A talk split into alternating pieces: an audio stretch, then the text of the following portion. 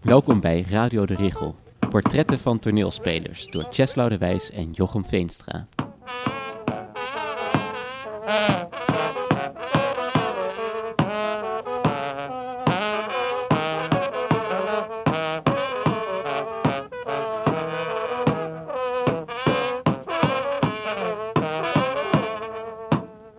Het is 11 november 2016 en we zitten in boekhandel Sternheim met Marien Theeuwen. Marien Theeuwen is medeoprichter van De Mug met de Gouden Tand. Daarna speelde ze bij Carousel en is ze lid geweest van Maatschappij Discordia. De laatste jaren is ze docent en speelt ze onder andere weer bij Discordia in de reeks Weibliger Act en De Veren. Ja, wat zou ik zeggen? Er was een soort cultuur op school. Waarbij het uh, ontzettend uh, geapprecieerd werd als je zelf dingen maakte. Mhm. Dat vond hij, uh, ik weet nog wel, dat we, we, nou, ik kwam dan in 81 op school en er werd gezegd: Nou, dit, zo gaan we hier te werk. dit is het rooster. En op maandag zijn de meeste docenten er.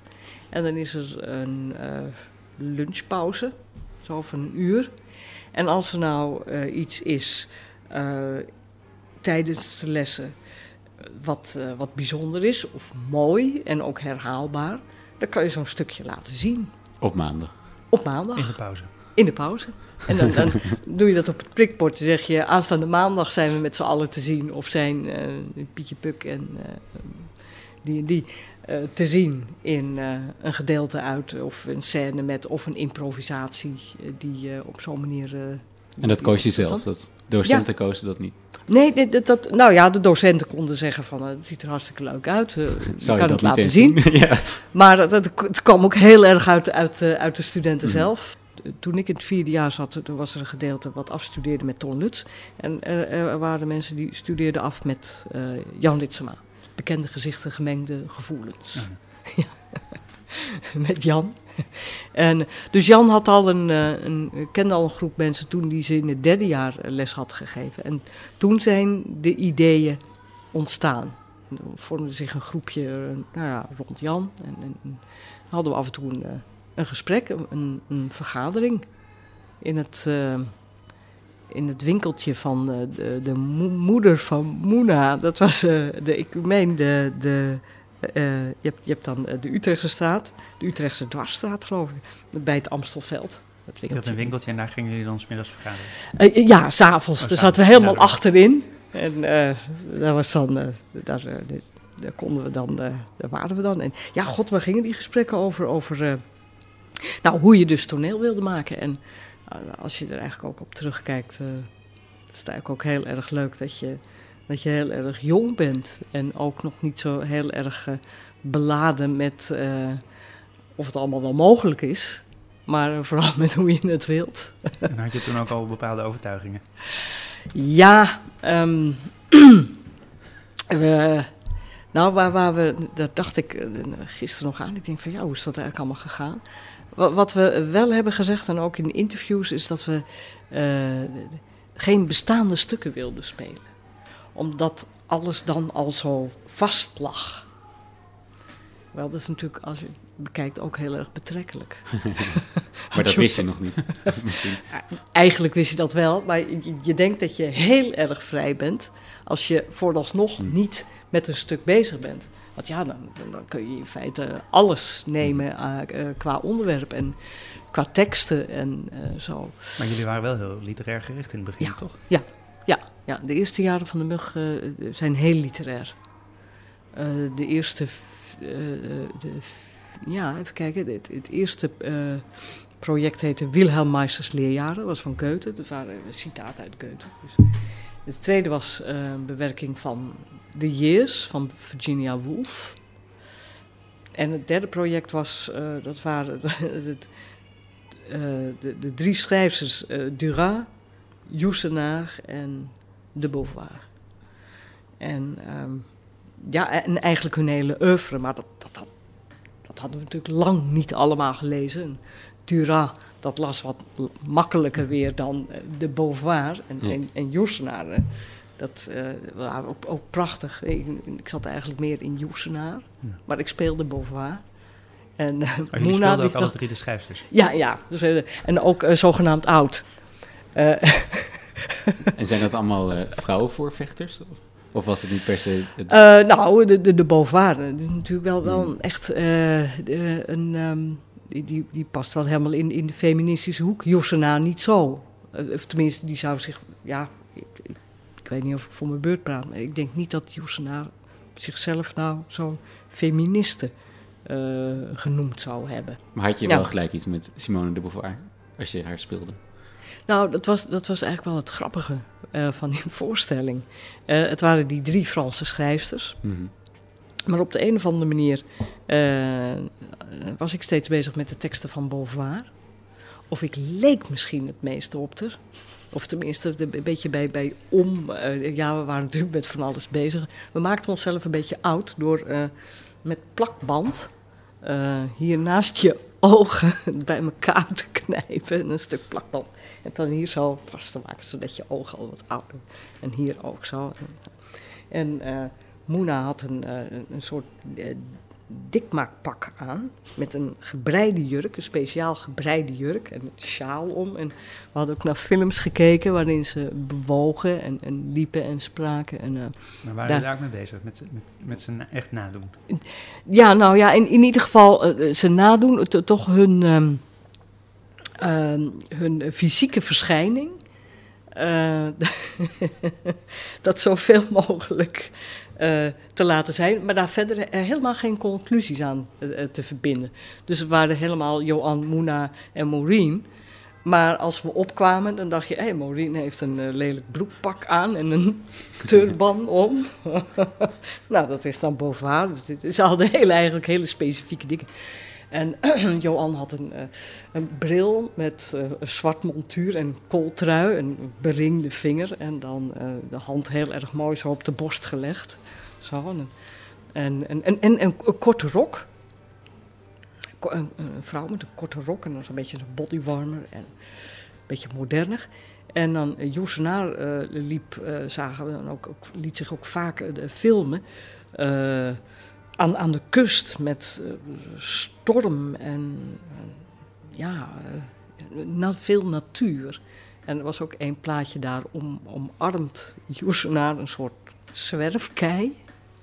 En eh, dat kon Moena heel mooi nadoen met een uh, een Olivetti. Dat zag er buitengewoon uit. Maar het grappige was, ik had meer met de teksten van uh, Joesenaar en um, Moena had meer met de teksten van uh, Beauvoir. Hm. Maar ja, dat, dat kan je zo hebben. Dat, uh, dat, en hoe maakten jullie skips dan? Ja, dat, uh, dat in, in het geval van. Um, um, tegen de 80, want zo heette het. De, de, drie schrijvers liepen tegen de 80, dus het stuk heette Tegen de 80. De, bij um, Tegen de 80 is dat uh, heel, een, een, heel moeilijk proces geweest. Bijzonder uh, uh, moeilijk. We hadden heel veel improvisaties. Ik geloof dat we. We hadden aan, aan de kanten de, de lappen tekst, of tenminste de papier hangen met allerlei. De, de, we hadden iets van, van ruim 80 improvisaties, grotere en kleinere. En we kregen ze niet bij elkaar. En die improvisaties kwamen voort uit het werk of meer uit, uit, het uit werk, fysieke... Uit, ja, uit, het werk, ook al uit fysiek. Uh, uh, Moena deed een, uh, een, een, dansje op een... een, een ze, ze, zat op een, draaikruk, mm -hmm. bureau draaikruk. En draaide daar rond en trok een sok uit. Het zag er heel bevallig uit onder de, de, de, de muziek van Edith Piaf. Ja, dat was, dat was uh, buitengewoon een goede improvisatie. En zo waren er nog een heleboel dingen meer, maar we konden ze heel moeilijk plekken. En uh, op een gegeven moment hadden we een, een, eerste twintig minuten, die waren gewoon goed. Dat was een uh, snik improvisatie, huilen, want alle drie de schrijfsters die hadden een keer gehuild. Die herinnerden zich dat ze een keer hadden gehuild op een specifiek uh, moment in de geschiedenis. Dat de Tweede Wereldoorlog uh, uitbreekt of zo. En, en nou, ze hadden alle drie en herinnerden ze zich nog heel duidelijk dat ze hadden gehuild. En uh, eh, daar kwamen we op en dan gingen we aan bureaus zitten. We hadden drie bureautjes, die stonden zo in een soort driehoek, half driehoek. En eh, we gingen ritmisch huilen. En dat, ehm, dat- dan tapten we de, de maat met onze voet. Zo, dan begonnen wij. 1, 2, 3 en dan. En dat, nou ja, dat ging goed. En dan was er één die begon met die monoloog, terwijl de anderen doorgingen met snikken. Hmm. En eh, dan hadden we drie monologen gehad, dan waren we een kwartier verder, een kwartier, twintig minuten verder. Ja, en dan, Ja. weet je, hoe kom je daar nog overheen? En, maakten eh, jullie dat dan dit, de, de, de- maakten jullie dat met elkaar? Of was dat bijvoorbeeld de functie van Jan dat hij dan wel echt daar beslissingen in nam wat de volgordes waren? Of, of... Ja, ja eh, eh, Jan maakte wel eh, beslissingen in, in, in die volgorde, of dat hij overzag hoe het, hoe, het zou kunnen. Dus eigenlijk, eigenlijk dramaturgisch maakte hij daar ehm, wel beslissingen in. En, en wij hadden ehm, ja, die improvisaties gemaakt op basis van die stukken tekst, eh, of, of stukken tekst uit die boeken. Ja. Die we hadden en, en uit publicaties over de actrices en wat we op filmpjes hadden gezien. Want we gingen ook af en toe eh, kijken in, weet ik wel, in het theaterinstituut of in het instituut, van de- de- het IIAW geloof ik, het Internationale nee, ehm, Instituut voor Vrouwen. Eh, het zat op de Herengracht, gracht, geloof ik. Nou, daar gingen we naartoe. We hadden allerlei materiaal, ook film. En had eh, Jan die had eh, dan afgesproken dat we daar 's middags kwamen. En dan zagen we een aantal filmpjes. En eh, eens even kijken. Nou ja, en, en we hadden die vrouw. Oh ja, en wat het, het grote probleem was. eh, ze hadden elkaar nooit gesproken of ontmoet. En ze hadden ook geen dingen over elkaar gezegd. Dus je wist eigenlijk niet hoe je ze met elkaar moest laten. Nee, nee. Nee. nee. En, en, en zodra we ze ook met elkaar lieten praten, eh, werd het klein en, en, en was het niet theatraal. Dat, dat, Hmm. dat, dat was niet goed. Dan werd het een beetje gewoon, een beetje gedoe. Dus dat moest in ieder geval niet. En, eh, maar ja, hoe dan wel? Eh, daar, eh, dat, dat was, ja, dat, dat was, dat, en we hadden ergens begin januari hadden we première in de kleine zaal van de toneelschuur. En we hebben boven op die zolder bij de toneelschuur hebben we ook nog elke dag gezeten. 's morgens om 11 uur komen en dan weer kijken hoe dat dan eh, eh, toch moest. En ging dat dan onder leiding van Jan? Of Ja. ging dat dan... En eh, we hadden op een gegeven moment ook, dat toen stonden we in de, eh, de, toneelschuur. Waar we konden daar al een, een paar dagen van tevoren werken. Dat was eh, heel erg fijn. Dus het was al opgezet, het decor. En we konden daarin ook eh, werken. Zonder, we waren nog geen try- try-outs. En we waren daar bezig. En ja, we wisten toch nog eigenlijk niet hoe het verder moest en hoe het verder moest. Op een gegeven moment dachten we, dat denk je dan, over acteren gesproken. We zitten eh, heel erg verspreid met z'n drieën, met de bureaus. Maar dat moeten we niet doen. We moeten juist gaan lopen. We moeten door de ruimte heen. En dat, dat denk je dan om 11 uur s'avonds dat dat Hm. de oplossing is. En, eh, en ik weet nog wel dat ik thuis kwam en ik woonde op het Kattengat. En, en, nou ja, en, en- en er, had iemand gebeld. En, eh, maar toen ik, dat was Jan Ritsema, bleek achteraf. En, eh, maar ik kon, toen ik hem belde, toen was hij ook nog in gesprek. Het was het zeker al een uur of één, of, of half twee. En toen dacht ik, ja, Jezus, Jan heeft gebeld. Het schiet toch wel. Dus toen was het al een uur of twee, toen belde ik Jan. En eh, hij was meteen aan de telefoon. En eh, zei, Jan, je had gebeld? Ja, ja, hij zegt, ik heb gebeld. Het is goed dat je terugbelt. Eh, ja, hij zegt, dat komt dan zo op om 11 uur om te gaan lopen over de vloer. Hij zegt, maar dat is het niet hoor. Dat is het niet. Dat jullie aan die tafel zitten, aan die bureautjes, dat is op zich goed. Hij zegt, daar moeten we niet opeens van af. af nou. Dus eh, aan, de, aan de bureaus gebleven. En toen hebben we, eh, omdat we ook eh, het, eigenlijk drie vrouwen, drie zusters, kwamen we ook op de drie dochters van King Lear. En daar hadden we ook teksten van, van en Reagan en Cordelia. Een paar monologen. Maar we wisten ook niet precies hoe we die moesten plekken. En toen dachten we opeens ehm, op die zolder, op de toneelschuur. Misschien moeten we de structuur van King Lear eh, onzichtbaar onder de voorstelling hebben. En dan kijken wat er eh, eh, associatief als je dat stuk dan zo zou als een grid zou hebben, met al die dingen, hoe je die associatief achter elkaar Mhm. zou kunnen zetten. En toen werd het een geheel, wat weliswaar heel fragmentarisch was. En ook eh, heel associatief en heel atmosferisch. Het was een buitengewoon atmosferische voorstelling. Ehm, maar die voor ons een logica had, omdat we wisten wat eronder zat. En ehm, dat werkte. En eh, dat, eh, we- wisten dat dat op een gegeven moment, dat we dachten van ja, dat, dat, dit, klopt. We wisten nog niet echt helemaal de impact ervan. En, eh, maar ja, toen, toen hadden we dat. En Toen hadden we de eerste try-outs. en Toen was er nog wel het een en ander aan te verbeteren. Maar toen waren we toch wel in die zin tevreden. En toen zei Jan, ja, ik vind het heel erg mooi. en het is toch wel heel erg fijn als iemand dat zegt. Want dan, dan krijg je daar ook zelfvertrouwen in. Want dat, dat, dat moet je op een gegeven moment ook. Ja, we wisten ook wel absoluut wat we deden. En ehm, god ja, toen had Jan ook nog gezegd, eh, ja, hij zegt, ach, ach, hij zegt, eh, gisteravond dacht ik nog, eh, ja, ik vind het heel mooi, maar jullie moeten het doen. Dus hij voelde zich ja, heel erg verantwoordelijk voor die. Was hij ook verantwoordelijk voor, voor zo'n dramaturgische keus? Nou ja, we waren alle, alle, allemaal natuurlijk uiteindelijk wel verantwoordelijk. Ja, we waren allemaal verantwoordelijk daarvoor. Alleen, het is, ja, zo werkt het. Jan was natuurlijk ouder dan wij, had meer ervaring.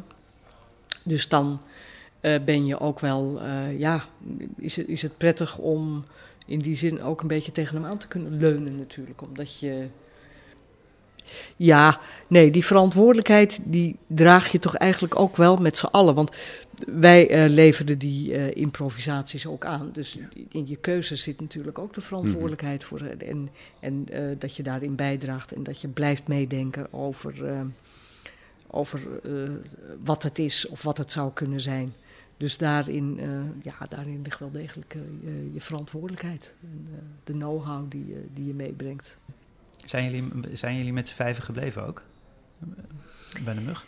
Eh, ja, ehm, nee, dat is ook weer anders gegaan. Eh, we hebben één keer met z'n vijven gespeeld. Ja, het grappige was, of nou het grappige, maar omdat Johan, Moena en ik eh, drie voorstellingen achter elkaar hadden gemaakt, met z'n drieën, werd er vaak gezegd, vrouwengroep mug met de gouden tand. En ja, dat was natuurlijk niet leuk voor de jongens, voor, voor Marcel en Evert. En dan Zat Marcel er ook al bij? eh Marcel zat er, Oh, ja. ook van het begin. Ja. En, ehm, maar ja, dat, dat, dat gaat er zo. En dat gaat soms een totaal eigen leven leiden, waarbij je niet zo verschrikkelijk veel aan kan doen. En hij heeft een theater zo zijn eigen brochure gemaakt en heeft dat woord erin gezet. En voor je het weet, duikt dat overal op. En eh, toen eh, we eh, op een gegeven moment ook met z'n vijven een, een voorstelling gingen maken, werd het toch wel heel erg belangrijk dat we ook eens een keer echt met z'n vijven op de foto gingen. dat je dan publiciteitsmateriaal hebt van we zijn met z'n vijven. Dus we zeiden er altijd, altijd bij dat als we een interview hadden met z'n drieën, dat, eh, dat ook de jongens er waren.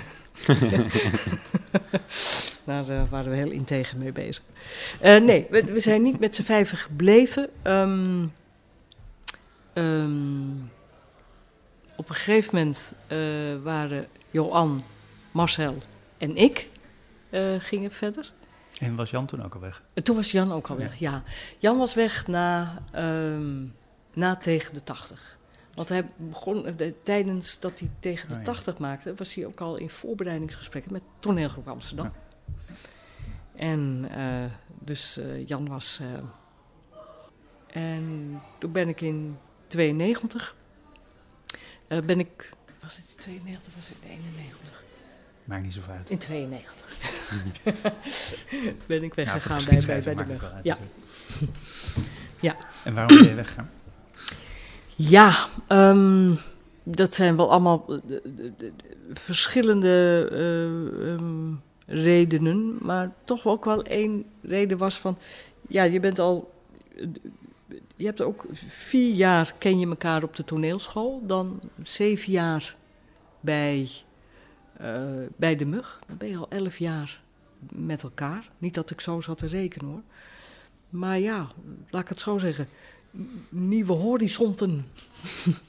het, uh, de, dat gaat ook trekken. En misschien als ik het achteraf um, meer bekijk, was het bij mij ook dat echt het, het, eerste uh, de eerste jaren van, van de mug, dus, en dan hebben we het over misschien vier seizoenen. Dan hebben we het over uh, Wilhelm Meister, dan hebben we het over Goethe, dan hebben we het over Virginia Woolf, dan hebben we het over de drie schrijvers, Vita en Violet, uh, dat mm. zijn de Engelse schrijvers. Daar putten we echt uit de literatuur.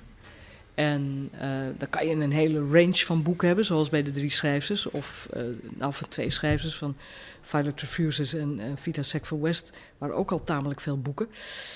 maar dat was eigenlijk toch nog een, dat was nog min of meer gekaderd. En allengs liet, werd het, het literaire ook wat losgelaten. Er werd nog wel uit de literatuur geput, maar dat was niet meer het, de, de enige bron. Zeggen. En ik denk dat ik me toch meer prettiger heb gevoeld bij die meer stevige literaire basis. zeker ook als, als ik kijk nu, wat ik nu doe bij mhm. Discordia. En wat ik sowieso bij Discordia heb gedaan. Wat natuurlijk ook toneelliteratuur is. Maar ik denk dat ik me allengs een beetje losweekte van het... ja, van, van de ideeën van wat en waaruit, et cetera. Want dan klinkt het toch ook wel als een spannende beslissing als je een zeven jaar bij de mug hebt gezeten. Ja, dat is heel spannend. Dat is heel spannend, want uh, dat realiseerde ik me uh, heel goed. Uh, ik denk, ja, ik verlaat een duidelijk huis mm -hmm. met, nou ja, waar je het kent en dat je het weet. En toen dacht ik, opeens schoot er ook door me heen van ja, nu ben ik freelancer. en ik heb toen ook um, meteen een antwoordapparaat aangeschaft. was dat, je eerste, ik me nu. dat was je eerste handeling toen je freelancer werd? Ja, nu moet ik, wel. ik dacht, ik moet een beetje aan de weg timmelen, dacht ik toen. En uh, toen dacht ik, nou, nou, nou, moet ik ook wel dat antwoordapparaat. Want stel ze bellen, dan, uh, dan weet ik het niet. Uh, dat, dat ze gebeld hebben. Ja, dat, dat soort hele praktische zaken. Dat, dat, dat heeft het ooit gewerkt, dat antwoordapparaat? Ja. ja, ja dat, het heeft wel gewerkt. Dat was wel handig, dat antwoordapparaat. Ja, ja, zeker. En daarna een, een, nieuw model telefoon. Met, dat was ook met fax fax- en antwoordapparaat. en uh, daar zit wel een hele leuke anekdote eigenlijk bij, omdat ik. Ik wilde eigenlijk, op, nou ja, ik was eh, weg bij de bug en toen dacht ik, ik wil eigenlijk bij Discordia. Ik wil bij oh, toen al, dat wist je toen al? Ja, ja, want ik wil bij Discordia. En uh, toen dacht ik, ja, maar ja, dan moet ik het uh, tegen ze gaan zeggen. En uh, toen uh, was ik naar Felix Meritus gegaan. En toen dacht ik, nou ja, ze zitten daarboven. En als ze klaar zijn met werken, dan komen ze uh, waarschijnlijk wel naar beneden. lopen ze door de hal. Dus ik was daar beneden in het café gaan zitten. Ik denk, als ze voorbij lopen, dan schiet ik ze aan. maar um, ze kwamen niet. En waren ze er wel? ze waren niet, ze waren in België. en, en toen, uh, ik heb het bierveeltje nog, toen kwam uh, Otto Valkman kwam binnen en die zei, hé hey, doe je? Ja, ik zeg, ik wacht op uh, Discordianen, want ik wil ze graag iets vragen. Ik zou graag bij ze willen werken en zo. hij zegt, ze zijn er niet. Zeg maar, misschien wat het makkelijkste is, dat je ze faxt. En, en toen schreef, schreef, hij op de achterkant van een bierveeltje met een groene pen, ik heb nog steeds het, het faxnummer van uh, telefoon en het faxnummer van Discordia. En... Um, Oh, wacht eventjes. Ik had toen het faxapparaat nog niet. Ik had het nog niet. Toen ben ik naar de overkant gegaan bij Carousel. Want ik woon, destijds... Nou, ik woonde nog, maar Carousel was des, destijds aan de overkant. En toen zei ik, mag ik bij jullie faxen? Ja, dat was goed. Dus ik had gevraagd... Ik zou een keer mee willen doen met een project. Uh, dat en dat en dat. Dit is mijn telefoonnummer, dat had ik gefaxt.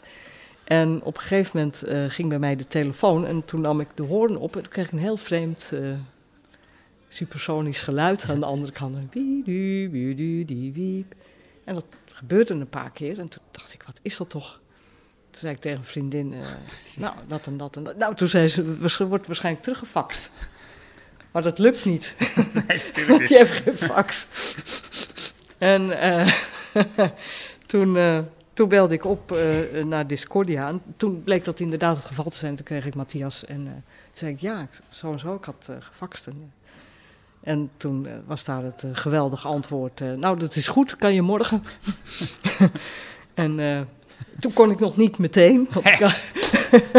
nou ja, dat, dat had te maken met de, hoe heet het, ik moest nog een paar... ze deden altijd een, een, een nieuwjaarsvoorstelling in de toneelschuur. En toen kon ik nog niet meedoen, omdat eh, ik had zelfs nog een aantal voorstellingen met, eh met carousel. Maar toen is, is mijn eerste, is, eh, mijn eerste voorstellingenreeks bij Discordia is geweest. De, de eerste De Veren in Brussel. Oh ja? In het KAI, ja. Nou zo. Dus dat was meteen in de vrachtwagen. En ik, ik, ik wist ook eigenlijk niet wat ik moest verwachten. Nee. Ik, eh, meteen eh, hartelijk opgenomen in, in, in de familie. En dan zit je in de vrachtwagen op weg naar Brussel. En denk je, waar gaan we heen? Het- KAI-theater, ook nog nooit geweest. En, Stond je eh, ook al gelijk op de vloer? dat was, de, de Joris die zeiden, de- de- de- jij bent Mat en, eh, en eh, Mieke.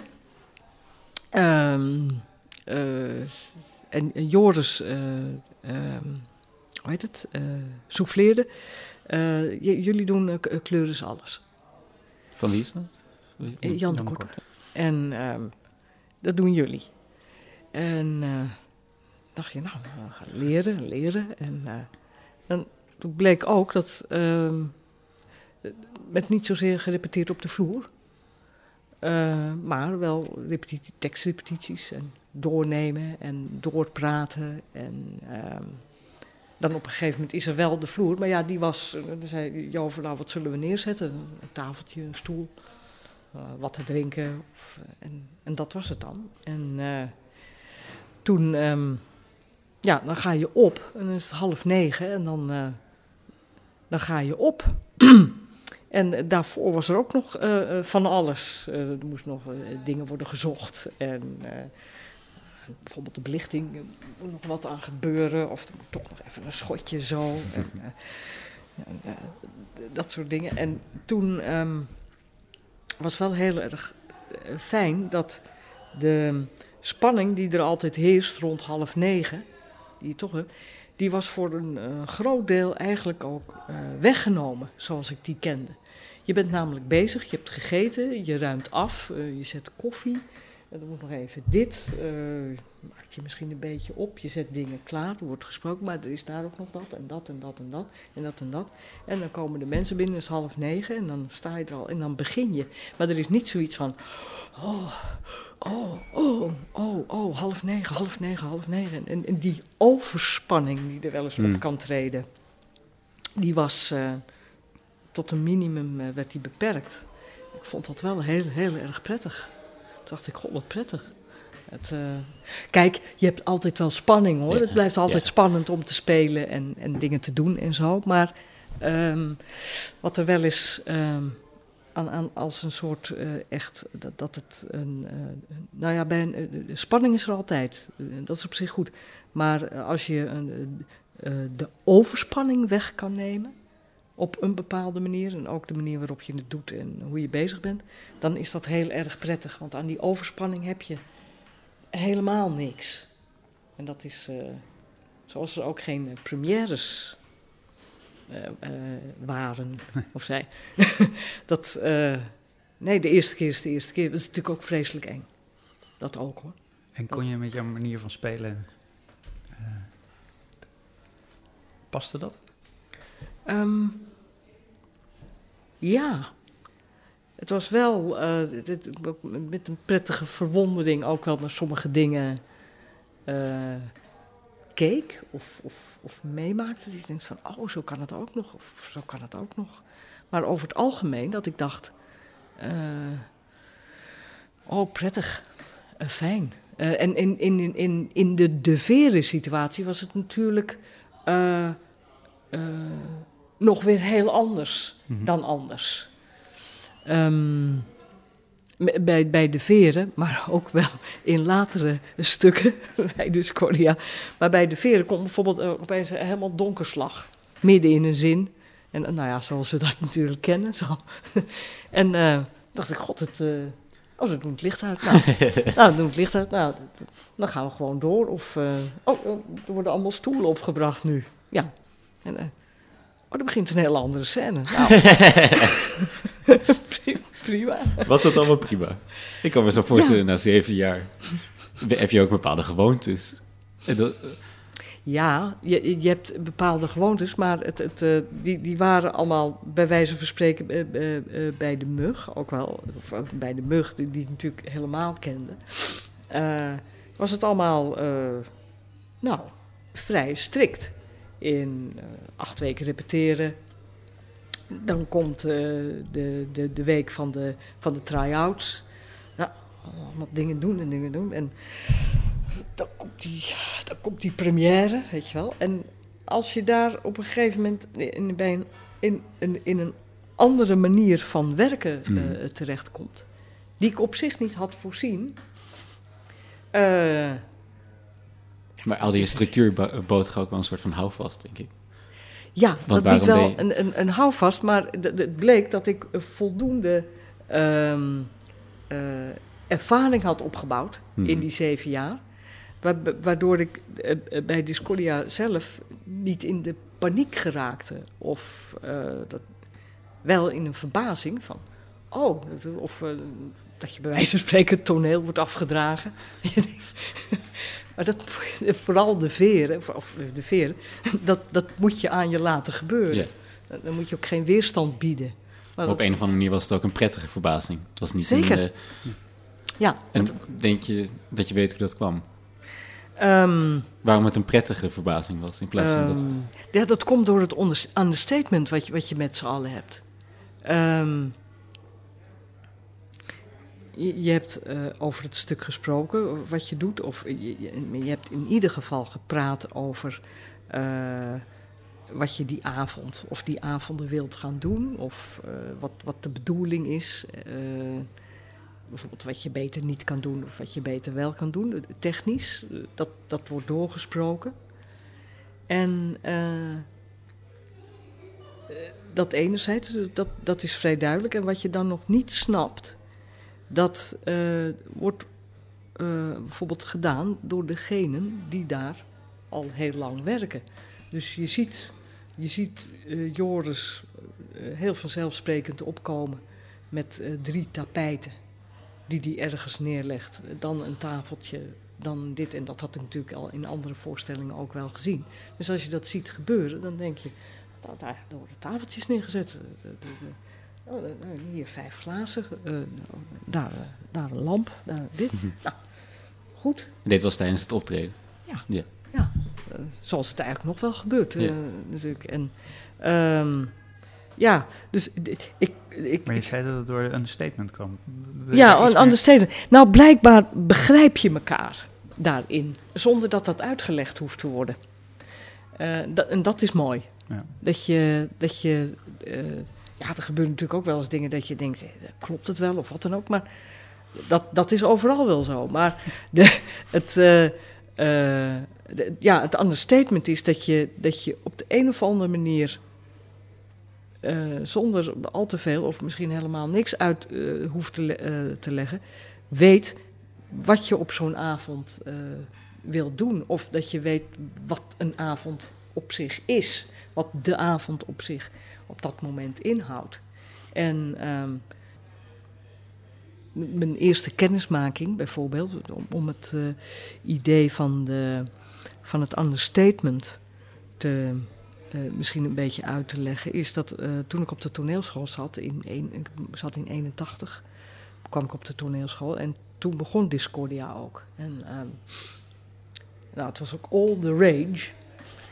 En er- was een, eh, een, een kaartje. Eh, Het, het, was, het staat ook bijvoorbeeld, geloof ik, ook wel steeds vol.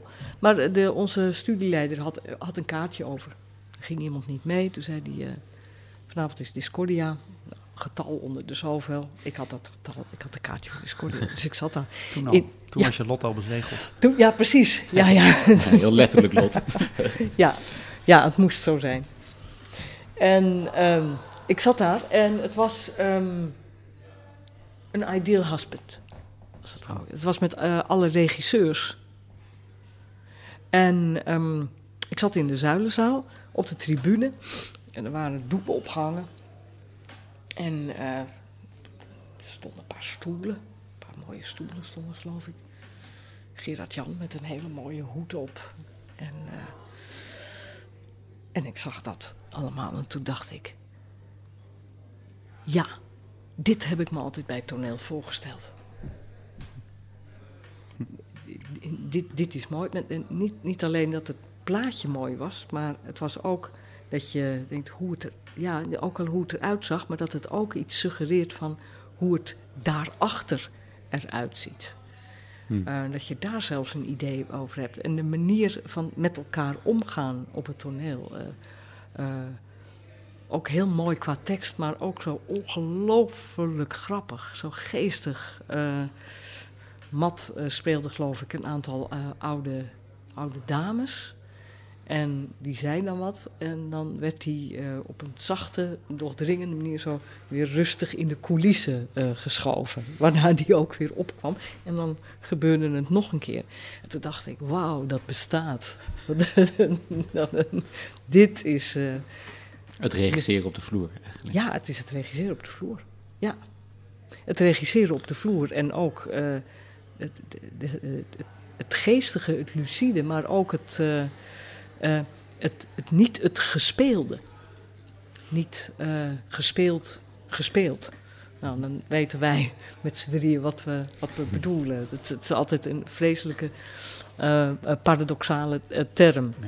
Maar, eh, daarover gesproken, Jan Ritsma, waar we toch wel een, een pittige leerschool van hebben gehad. Die zei ook altijd van eh, niet spelen, niet spelen. Dus eh, zodra je een toneelstem opzette of eh, een tekst als tekst ging zeggen, dan waarschuwde die direct met nee, nee, nee, nee, nee, nee. Zeg die zin nou nog eens, zeg hem nou nog eens. En Niet zoals de stadsomroeper. niet als de stadsomroeper. en niet zwaaien met je armen. ja, precies. Ja. Nee, eh, eh, spelen is dat je ehm, eh, je. Of, of nou ja, eh, spelen. Ehm, dat je persoonlijk blijft. Hm. Eh, dat je ehm, eh, vanuit jezelf speelt. Iedere acteur doet het wel op zijn eigen manier, maar wat ik eronder versta is dat je er niks opplakt. Ehm, eh, je, je, je moet persoonlijk spelen, dus je, je, moet jezelf meenemen het toneel op. Dus wat jouw gedachten zijn over een tekst, of hoe jij het interpreteert als je die tekst zegt, dat is persoonlijk. Dus je moet het zeggen zoals je het zelf zou zeggen. En dat lijkt heel makkelijk, maar dat is best een kunst. Wat hielp daarbij? Wat heel erg hielp eh, was. ehm, Of helpt? eh, we kregen van Jan een, eh, een, een, soort hulpstukje aange- aangereikt. Dus als je moet zeggen: Ik hou van hem of ik hou van je. Ehm, nou, zo'n zinnetje, dat ben je snel geneigd om dat met veel duidelijkheid te zeggen. hè. Er hangt dus toch veel van af. Je zegt dat je van iemand houdt en eh, nou, dat is belangrijk, dat is ook eh, emotioneel. En dan ben je geneigd een bepaalde lading op te leggen. Maar hij zei van, als je het nou zo doet, ehm, je maakt de indirecte reden. Dus eh, ze zat op een bankje. Ze keek naar de ondergaande zon en ze zei: En ze zei- Ik hou van jou. En dan hou je op plaats: Ik hou van jou. Dus dan luister je goed naar hoe je: Ik hou van jou zegt. En, eh, Hoe ja. je het binnen die context zegt en dan weer buiten die context. Ja, buiten die context. En dan hou je het zinnetje over. Eigenlijk heel, eh, heel, eh, heel sec. En op een gegeven moment ga je dat horen. Ga je horen hoe je dat, hoe je dat zegt. En dan, en dan geldt het op een gegeven moment voor, de- voor hele zinnen en hele klauzen en hele monologen. Dat je denkt, nee, niet ingrijpen in die tekst. Mm, zeggen en, en kijken wat er gebeurt. Mhm. Want als je het meteen dicht sme- smeert met allerlei intenties, dan, eh, dan voorkom je ook, of, of dan, eh, nou ja, voorkom je, eh, je, je, dan zorg je er onbewust voor dat er niks kan gebeuren, omdat het dan verhardt eigenlijk Mhm. binnen het cement van, eh, van wat je erin smeert. Dus dat moet je niet doen. Maar dat was een, dat was, dat was een, een pittige leerschool hoor, eh, met eh, Jan. En hij wees ons ook op, hij zegt, als, je- als je lu- luistert naar ehm Glenn Gould, hoe die eh, Bach speelt. Dus zuiver, een zuivere, een zuivere toon, een- een zuiver. Dan komt er ruimte in. En inderdaad, als je, als je Glenn Gould hoort, of je ervan houdt of niet, maar het is, elke noot is als het ware geserreerd, maar je hoort het wel. Dus die luistert ook heel erg goed naar hoe die. Nou ja, en dat zal ook met het instrument, want dat is dus mechanisch. Het zal ook met het instrument te maken hebben. Maar hij weet eh, de aanslag. En, en eigenlijk eh, moet je als acteur eh, ook op een gegeven moment die aanslag van jezelf eh, ehm, moet je horen. En ehm, het was heel erg moeilijk, want in het begin hoorden we het niet. Hm. Je denkt, maar wat bedoelt hij nou, wat bedoelt hij nou? En gek genoeg word je dan een beetje moe. Dat je denkt, van, ja, ik weet het eigenlijk ook niet meer. En dan zeg je die zin en dan opeens dan krijg je een enthousiaste Jan schiet dan omhoog van zijn stoel. Ja, dat is het. Maar wat heb ik dan gedaan? Wat heb ik gedaan? Maar je gaat het op een gegeven moment horen. En dan komt er een fase, dat is heel bijzonder, dat je, dat je de tekst zegt, dat kan toepassen en dan opeens denkt, oh, maar dit klinkt saai of eentonig. Hm. Dus eh, toen zei ik dat tegen Jan. Ik zeg, maar nu, dit klinkt nu eentonig, saai, want er zit, zit geen modulatie in. Toen nee. Hij zegt, het, het klopt. Zo klopt het. Dat je denkt, ja, maar kan dat allemaal wel? En toch, toch klopt het. En, en eh, dan ho- hoor je het ook, ook bij anderen, of als je het toneel gaat kijken, dan hoor je ook soms dat je denkt, dat is, dat is, dat is, nog, dat is nog een beetje tekst. Ja, dat is gezegd, dat is persoonlijk. En soms is het ook verschrikkelijk moeilijk hoor. Vreselijk moeilijk, want je hebt ook teksten dat je denkt, oh, maak dat maar eens eigen. Of, eh, of, of eh, nou, wat, wat, ja, wat ook wel eens moeilijk is met teksten, dat het zo gewone spreektaal is, dat je denkt, nou, dit is al heel erg, heel erg spreektaal. Hoe, hoe doe je dat? Ja. Lijkt het makkelijk, omdat het Hmm. dan van die kleine zinnetjes zijn. En dan eh, denk je, dat is ook een, een klusje. Maar goed, Jan leerde dus dat, ehm, dat eh, paradoxale niet spelen. Als ik nu jou bij de vieren zie, dan neem je vooral dingen die niet zo heel snel spreektaal zijn, toch? Ja, Zoals dat Shakespeare klopt. bijvoorbeeld. Ja, ja Shakespeare of, of Proust of eh, ja. Nee, nee, nee. Ja, dat klopt. Is dat een keuze, een keuze vanuit wat je net vertelt, of denk je? Nou, die- ja, die, die keuzes die komen voort uit, uit eh, fa- fascinatie. En ook wel als je bijvoorbeeld... Maar om de eh, vorm of, en de inhoud, maar ja. Oh, eh, is het Ja. ook, is het ook een soort van je spelersambitie om zo'n tekst? dat zit er ook altijd wel onder. Maar het leuke is, de, als je het over de inhoud hebt... dan is de proloog van, van Hendrik V... Mhm. is ontzettend leuk om te, te doen, omdat hij... het, het, het gaat zo over acteren. Dus Hmm. er komt iemand op en die zegt: eh, We hebben geen paarden.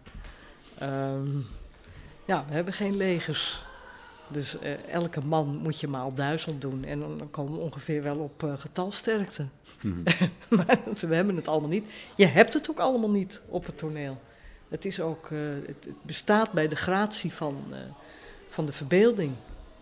En, ehm, en ja, wat ook ontzettend leuk, leuk is, als hij het dan heeft over de wooden O, dus de houten O, waarin hij speelde. En dan denk ik, ja, wij staan zo duidelijk in een V. Ja, een houten V. De houten V.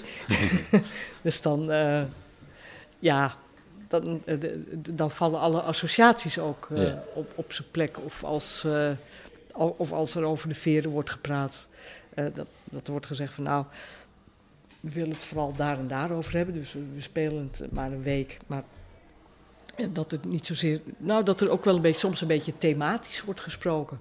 Over een aantal dingen. Dan denk ik, oh wacht, maar dan zou dat kunnen, of dat, of dat.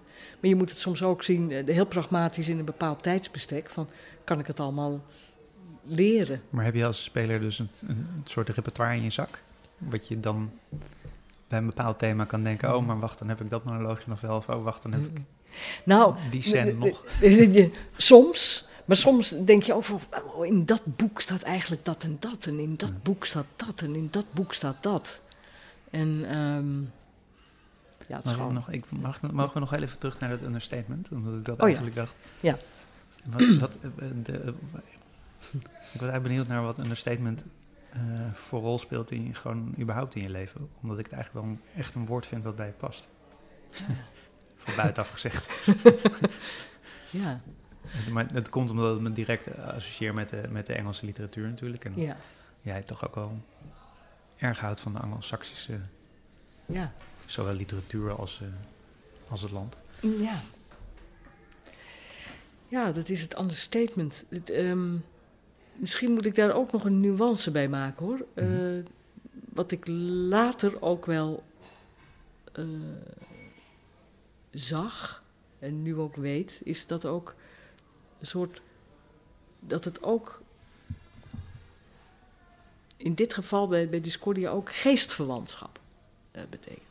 Dus ook de liefde voor ehm, literatuur, maar ook, eh, en dat is misschien het understatement. Ja, understatement ook, je hebt natuurlijk ook understatement in, in het geval van de humor.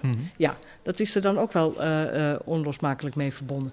Maar ook ehm, dat je eh, van elkaar een beetje, wat waarschijnlijk dan spelers bij Discordia allemaal in zekere mate wel hebben, dat, nou en ook bij het Barreland, eh, dat je weet dat je voortkomt uit een geschiedenis. En dat je daar onlosmakelijk mee verbonden bent. Ehm, dat is erg belangrijk. En dat die geschiedenis, ehm, ja, eh, ja, overal in zit.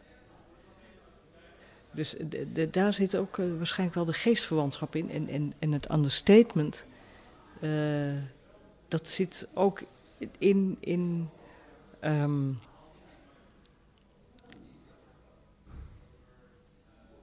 ja, hoe moet ik het noemen? Als het, het, het licht op een gegeven moment weggedraaid wordt, dat je eigenlijk denkt: oh, leuk. Spannend. En als er opeens heel veel licht is, dat je denkt: ja, zo, dat is veel licht. nu zijn we wel heel erg te zien. Ja. Dus dat, ehm, Nee, ik bedoel het ook Ja. persoonlijk, omdat bij- bijna... Ja. Ik zou een understatement, nu ik, nu ik je het daarover hoor vertellen, denk ik, dat het zou je bijna als je levenshouding misschien kunnen. Ik zou bijna, ik weet niet, zou kunnen voorstellen Ja. dat het bijna een woord is wat je levenshouding typeert.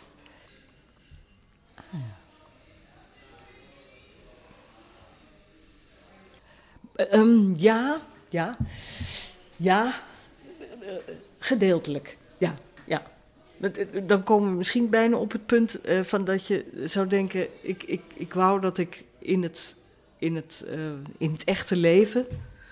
ehm, eh, ik, ik wou dat ik, zoals ik op het toneel ben, eigenlijk ook in het, in het echte leven kon zijn. En, maar dat lukt, dat lukt niet zo goed. Nee? nee, nee. Nou ja, lukt niet. Het is natuurlijk een totale andere situatie. Als je op het toneel bent en, en, en je voelt je goed en, en je weet waar je mee bezig bent, ben je ook meester van de situatie. En in je eigen leven ben je, nou ja, Je bent wel meester van een situatie, maar er gaan ook een heleboel dingen niet zoals je wil. Ja, dat is het leven natuurlijk. Maar je beschrijft toch eigenlijk, je beschrijft toch eigenlijk dat je niet meester bent van de situatie? Als het licht opeens aangaat, daar ben je niet meester van in elk geval. Nee, daar ben je niet meester van. Maar je, dat, dat is iets wat je toch met z'n allen meemaakt op het toneel. De- je bent collectief meester. je bent collectief meester van. Ja, dat Ja. inderdaad, ja. En dat ben je in het leven niet. Nou, lang niet altijd. En dat, dat is. dan gaan de dingen niet zoals je wil. En dan eh, op, op het moment dat je. eh, eh, of het nou in grote of in kleine mate is. de- de- als, op het moment dat je in je leven e- even niet de regie in handen hebt. op de een of andere manier. omdat een ander dat heeft. of dat de om- omstandigheden gewoon anders gaan dan jij het wil. Ja, dat is bijzonder frustrerend. En het is de manier waar, je daarmee omgaat. En dan. eh, ja. Dan ben ik eigenlijk wel. eh, d- kan ik ontzettend driftig worden. Terwijl als je dat laconieker zou behandelen, Hmm. Of, of met veel meer understatement, van eh, nou ja, goed, eh, ga je gang. Dan geef je jezelf wel veel meer vrijheid. Dat zou wel prettiger zijn. Ja, ja dat is zeker. dus ja, die levenshouding van het understatement. Maar het is wel zo dat, eh, dat- ja, als, als ik met de, de vrienden ben of, of met eh, de collega-vrienden, dan, eh, zoals dan het discours gaat met z'n allen, dan is het understatement nooit ver weg. Nee. Dat is absoluut wel het geval. En dat is ook heel erg prettig. Ja. Dat je je vrienden daar ook in, eh, in kent. Dat je vrienden kent in het understatement. Ja, nou, ja, ja, ja. Nou ja, dat je je vrienden kent in het under- understatement. Je, je, kijk, je, eh, je, ja, je vrienden, dat, dat, even, je vrienden, vrienden, collega's. eh, het is natuurlijk een groepje waarin je graag bent. Anders dan zouden het je vrienden en je collega's natuurlijk niet zijn. Maar dan herken je elkaar ook wel in, in dat understatement. Dat, je, dat als je ja, bij elkaar bent en je wisselt een blik... Dat je soms wel weet hoe laat het is. of zo. Ja, zo gaat dat. Dat kan je met je broer of je zus natuurlijk ook hebben. Maar eh, ja, zo, daar zoek je elkaar natuurlijk bewust of, of nou, nou, nou, on- onbewust wel in op. Dat, eh, ja. Hoe kwam het dat je toen je net bij Discordia was, je gelijk eh, thuis voelde? En nou, je beschrijft het eigenlijk al, maar ik kan me ook voorstellen dat je je eigenlijk wel eenzaam voelt als je in zo'n eh, groep terechtkomt dat al heel erg een groep is. En je nog niet alle understatements kent die de anderen wel kennen. Oh, op zo'n manier. Ehm, nee, nooit eenzaam gevoeld of Nee. wat dan ook. Of, eh, nou, in het begin wel dat we naar... eh, dat was gewoon qua plaats. We gingen meteen naar Brussel. En dat was dus een hele nieuwe groep. En dan kom je ook in Brussel en denk je, goh, hoe gaat het allemaal? En, en, dus dat was wel- heel erg kijken. En, eh, ik, ik werd ondergebracht in een appartement. Ik had opeens de sleutel van een huis dat ik helemaal niet kende. En daar was ik. En ik had een heel mooi bed. Een, soort, eh, eh, ja, soort eh Ampire-stijl bed. Dat was hartstikke mooi. En daar om de hoek bij, bij het kaai. En nou, ja, ik denk, waar ben ik? Dat was, en dan lig je daar s'nachts in een bed. In een huis waar je nog nooit bent geweest. Dan denk je, jemig, waar ben ik toch? Eh, nou, morgen hebben we zo, zo laat afgesproken. Nou, eh, en eh, toen werd ik een keer wakker, 's s'nachts. En dacht ik, dit, snel het licht aan. Oh ja, andere kamer, andere kamer. Toen ging ik naar de keuken om even wat te drinken. En toen lag er een dood muisje op de vloer. Daar schrok ik wel van. Toch een beetje eng, dode muis. En opgeruimd, weggedaan. En toen dacht ik, jeetje. Ehm, en toen, ehm, toen had ik het daar ook over met, dat was een dood muisje. Oh, dat was een dood muisje. En, eh, nou, Marie, moeten we, moeten we even met je meegaan eh, naar huis? zo van, eh, nou ja, ik zeg, goed, nou, we brengen je wel eventjes zo. Het, het was nummer 13, geloof ik, het huis. Dat herinner ik me nu al. Hexhuis. En eh, nou, wat een leuk eh, appartement heb je. Ja, zo, zo. En toen kwamen we binnen. en toen lekte het enorm in de keuken. Dat, weet je wel, dat je echt dat van zo. Water hier. En, en, zo. dat moet. En die mensen boven hadden niet gemerkt dat het had gelekt of zo. En, eh, nou, en eh, Maar ze wist, dus, maar, en Matt was mee, geloof ik. En die zei van, oh, maar, uh, moet je morgen even aanbellen bij die en die. En, uh, dus daar belde ik aan. Toen zei ik, nou, we hebben nogal een lekkage gehad. En toen zei die man meteen van, oh, kom even kijken. En zei hij, oh ja, ja. Nee, dan zijn mensen met veel kinderen, hebben ze waarschijnlijk het bad over laten lopen. En, nou, verder helemaal geen probleem. En toen zei die man, ik weet niet meer hoe die heette, wat dan ook. Toen zei hij, kom morgen bij me lunchen. Was, toen ben ik bij die man gaan lunchen en uh, toen was dat. En hij woonde daar, geloof ik, ook met zijn gezin. En toen was het meteen dat ik dacht: oh ja, ik weet nou waar ik ben ondergebracht. Eerst was het, ik wist niet waar ik was eigenlijk. En, uh, maar we aten ook met z'n allen. En uh, s'avonds. En, dus je was meer dan collega's gelijk al, eigenlijk? Omdat je samen at? Ja, ja, exact. Ging niemand met je mee als je een muis vond? ja, precies. Ja, nou, muis, nou, we brengen wel even thuis. maar nog, hè, als uh, bijvoorbeeld als we bij, hier zijn of zo, en, en uh, of, of uh, hoe heet het, in Café Frascati of zo, en ben met Mat als laatste over, en dan moet Mat ook die kant op, dan, dan lopen we altijd samen op door het poortje heen. Nee, dat is altijd... Ja. En het is toch wel eens, dat, het is heel bijzonder. Dat uh, als ik naar huis ga of zo hier. En uh, Joris en Annette zijn er uh, ook of zo. Dus, moeten we je eventjes thuis brengen? Zeg hoor, als je het eng vindt om naar huis te lopen of zo. Het is, het is ont, ontzettend lief en collegiaal. Wat, wat je zegt over um, het met elkaar zijn en, en hoe je wendt. En dat je je niet eenzaam voelt en zo. de groep uh, bestond eigenlijk ook uit uh, bepaalde uh, leeftijdsgroepen. Dus um, bij, bij Mug met Gouden Tand hadden we allemaal ongeveer dezelfde leeftijd.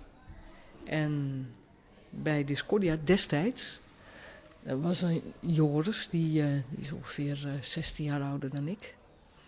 En Matt en Annette en ik zijn ongeveer, ongeveer uit dezelfde leeftijds periode. En um, dan had je uh, Dita en Frida. En die waren weer ongeveer tien jaar ouder dan ik. Dus er was uit een bepaalde categorieën, uh, nou ja, bepaalde leeftijdscategorieën waren er bij uh, Discordia. En dat geeft ook een bepaalde dynamiek in het, in het geheel. Ja. Dus dat, als je met die praat, dan hoor je eigenlijk weer een dergelijke optiek. En daar hoor je een optiek, en daar een optiek, en, en daar een optiek. En mm. dat mhm. is, uh, natuurlijk is dat een eenheid, maar daarbinnen ook weer verschillender dan, uh, dan bijvoorbeeld bij de mug. Waar we ook wel eens tegen elkaar zeiden, ja, we hebben allemaal dezelfde leeftijd. Er is geen oudere actrice of acteur die, uh, die soms zegt, nou, doe het een beetje zo of doe het een beetje zo. En, maar? Dat krijg je wel uh, op zo'n manier. Dus ook bij de Scordia ben je weer weggegaan? Ja. Um, en dan is jouw vraag waarom? dat, ja, dat was gevoelsmatig. Want hoe lang heb je er gezeten? Ongeveer? Kijken, um, ongeveer drie jaar. 92. Begin 93 tot uh, halverwege 95. Dat was gevoelsmatig. Um, ja, toen ik het er destijds met Joris over had, kon ik het ook niet goed uitleggen. En, um, want er was geen reden om weg te gaan. En toch ben ik gegaan. En dat was een, dat was een gevoel. Ik, ik was een jaar of 37, 38. En er was iets in me waarvan ik dacht, ja, ik, ik moet weer gaan. En uh, dat is, is gevoelsmatig geweest. Eigenlijk ben ik toch ook wel weer teruggekomen, maar als, als uh, zoals uh, Joris het laatste keer noemde, als externe kracht ben ik. Um, dus het, het, klopt wel van dat, van dat toch weer terugkomen. want toen werd ook weer de veren gedaan. En toen zei ze van kom je. En toen is dat eigenlijk steeds zo gebleven. Maar ook, ook bij de mug ben je eigenlijk weer teruggekomen, toch? Jij, Ja. komt, jij komt altijd weer terug. Feitelijk kom ik altijd weer terug. Ja, ja. ja inderdaad. Ik heb ook nog eh, de, de, veel, betrekkelijk veel met de mug gedaan. Dus hertenkamp. Ja. En als ik nu ook zo denk, het, het, was eigenlijk ook best een, een, een, een, heftige periode. Want in, in 98 overleden mijn ouders. Vrij snel na elkaar. En dat was Eh, voordat je wegging of nadat je wegging? Nadat ik wegging, ja, want dat was in 98. En eh, maar ja, dat, ja, dat was natuurlijk dat was vooraf niet eh, te voorzien. Maar achteraf wel, wel, een- wel een pittige tijd. En, ehm, en in die tijd ook ehm, eh, kwam ik Marcel Musters tegen op het Leidseplein. En die zei, we gaan een, eh, we gaan een tv-serie maken. En we willen dat je meedoet. Hertenkamp werd Ja, dat werd Hertenkamp. En toen zei ik, ik doe mee. dus dat, dat, dat, was wel een, een, een- dat, was, dat was weer heel bijzonder. En dat, dat is uit- uiteindelijk, ja, is ook ergens begonnen in, in, in, het maken en zo, een paar jaar daarvoor. Maar in, in 99 is dat eh, opgenomen. Dus nog allemaal net in het vorige millennium. En eh, soms denk ik ook wel eens van, ja, het is hier en daar ook wel eh, sprokkelig geworden. Dat je denkt, oh ja, ik was daar, ik was daar, ik was daar. En ehm, ja, aan de ene kant, het, het leven neemt je ook een beetje mee. Mhm. Dat gebeurt ook. En ehm,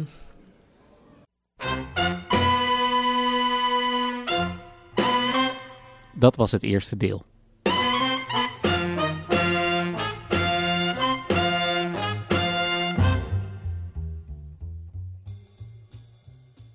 Het tweede uur met Marien Theeuwen draait rond het onderwerp herinneringen, naar aanleiding van haar autobiografische voorstelling Het Vlot.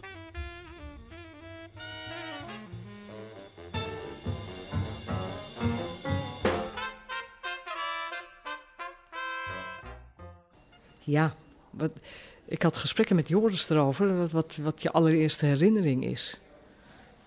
Weet ik eigenlijk niet zo heel erg goed meer, maar een, een van mijn oudste herinneringen is wel dat ik ehm, thuis zit aan een salontafel op mijn knieën. Dan had ik een bloknoot en was ik eh, allemaal dingetjes op aan het tekenen. Dat waren hele verhalen en ondertussen zie ik mijn moeder uit mijn rechter ooghoek naar de waslijn lopen. Met heel koud weer. Dus ik denk dat ook de, de, die hele koude winter van 62, 63, dat die. eh, eh, die herinner ik me nog heel goed. Ja.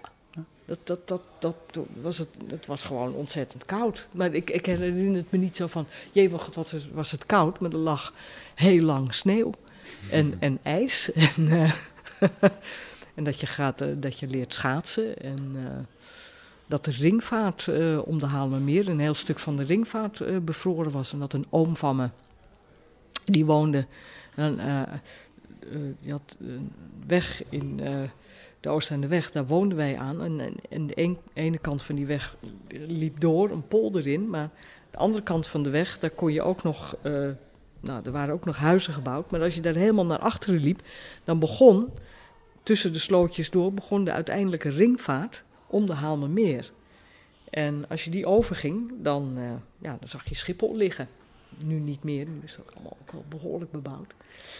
Maar die ringvaart was zelfs bevroren. En een oom van me, die had daar een kwekerij, maar die had zijn auto, die kon hij niet aan, naar de Oostende weg rijden, dat ging niet. En die stond altijd aan de andere kant van de ringvaart. Dus die ging met een bootje, roeide die over. Dan zette hij het bootje vast en er was daar naast zijn huis de garage. En daar stond, eh, dat was destijds een DKW. stond eh, de DKW, maar die had de DKW over het ijs heen gereden. En die, die, die auto stond voor het huis. Dat was iets heel bijzonders. Want dat kon dus. En hij moest eigenlijk ook voor de dooi toch ook wel zorgen dat die auto weer eh terugkwam naar kant de andere kant. Want anders kon hij nooit. Of hij moest dan een stuk van een kas afbreken. En in die kou ging jouw moeder de was ophangen.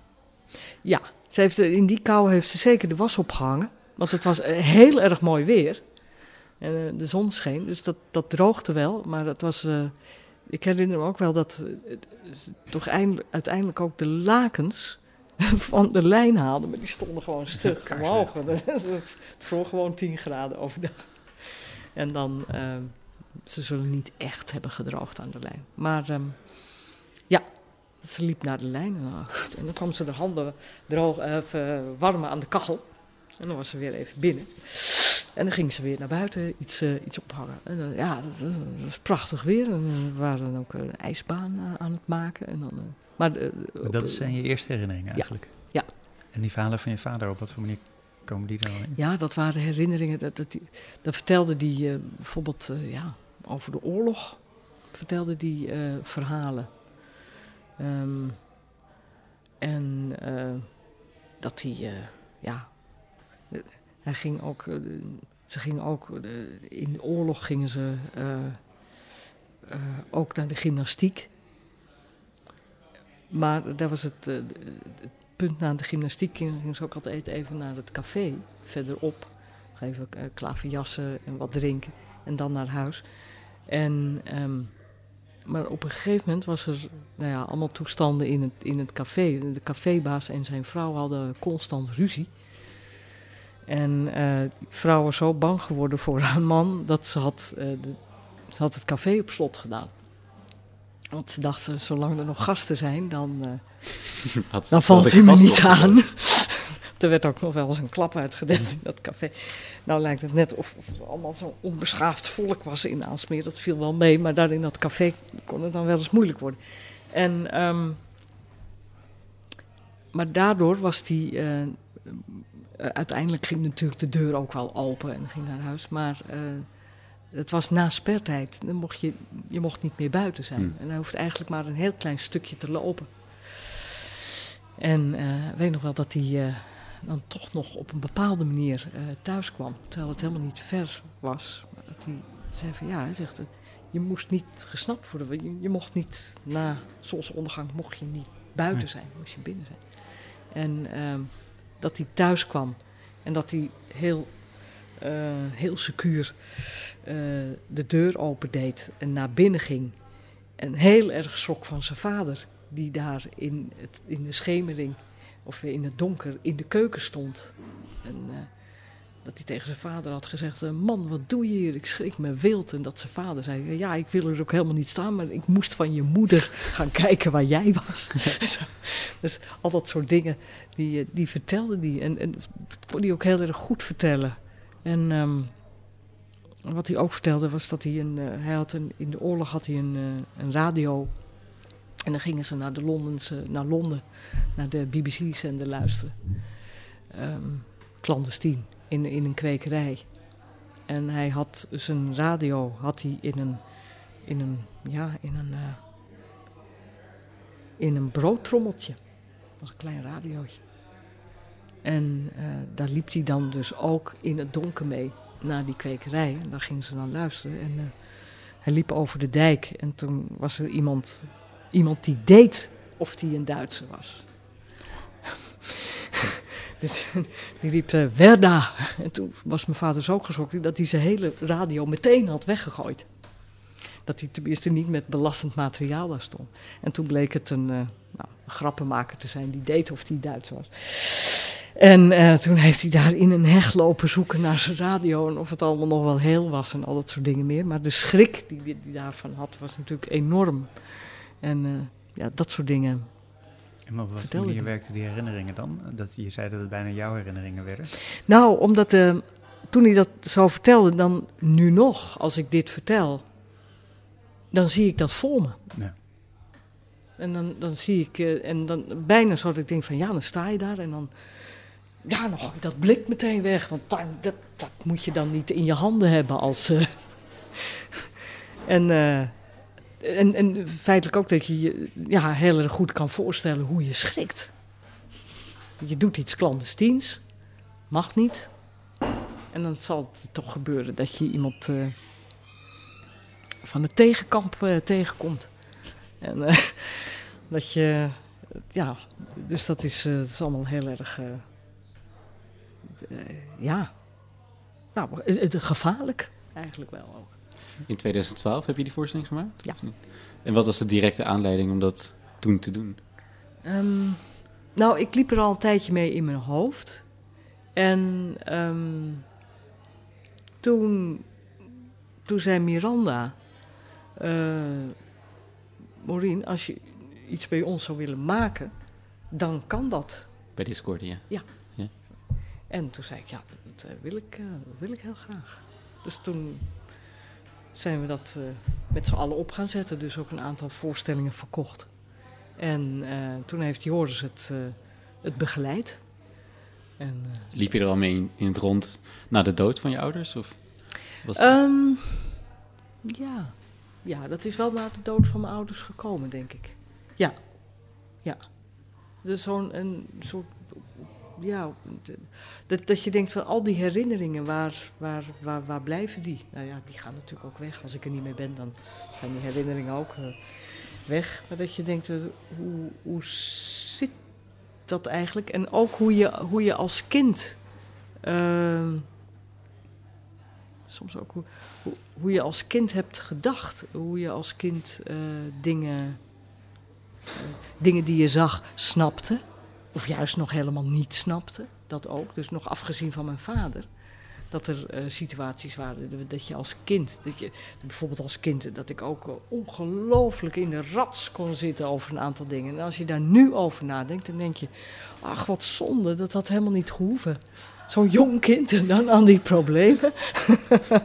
ja, zo gaat het ook in, ook in een kinderleven. Een kind heeft ook uh, zeker angsten en ook, ook al is het thuis goed en zo, dat toch uh, kan je met uh, behoorlijk wat dingen in je maag zitten. En, en, en, maar ook dingen die, die je verkeerd hebt geïnterpreteerd.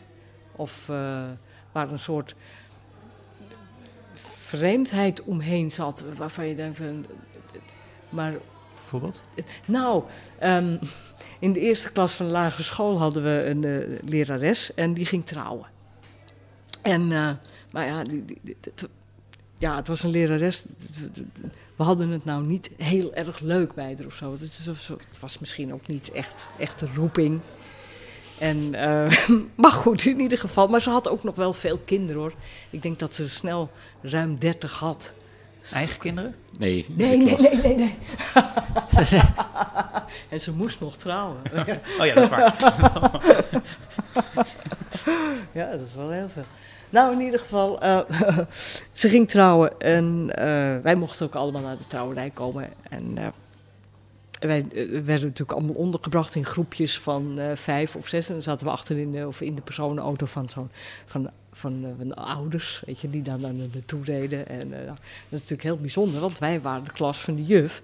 En als ze dan trouwt, ben je, nou ja, natuurlijk ook wel toch wel onderdeel van het feest. Ik herinner nog dat wij daar kwamen, het was in Heemstede.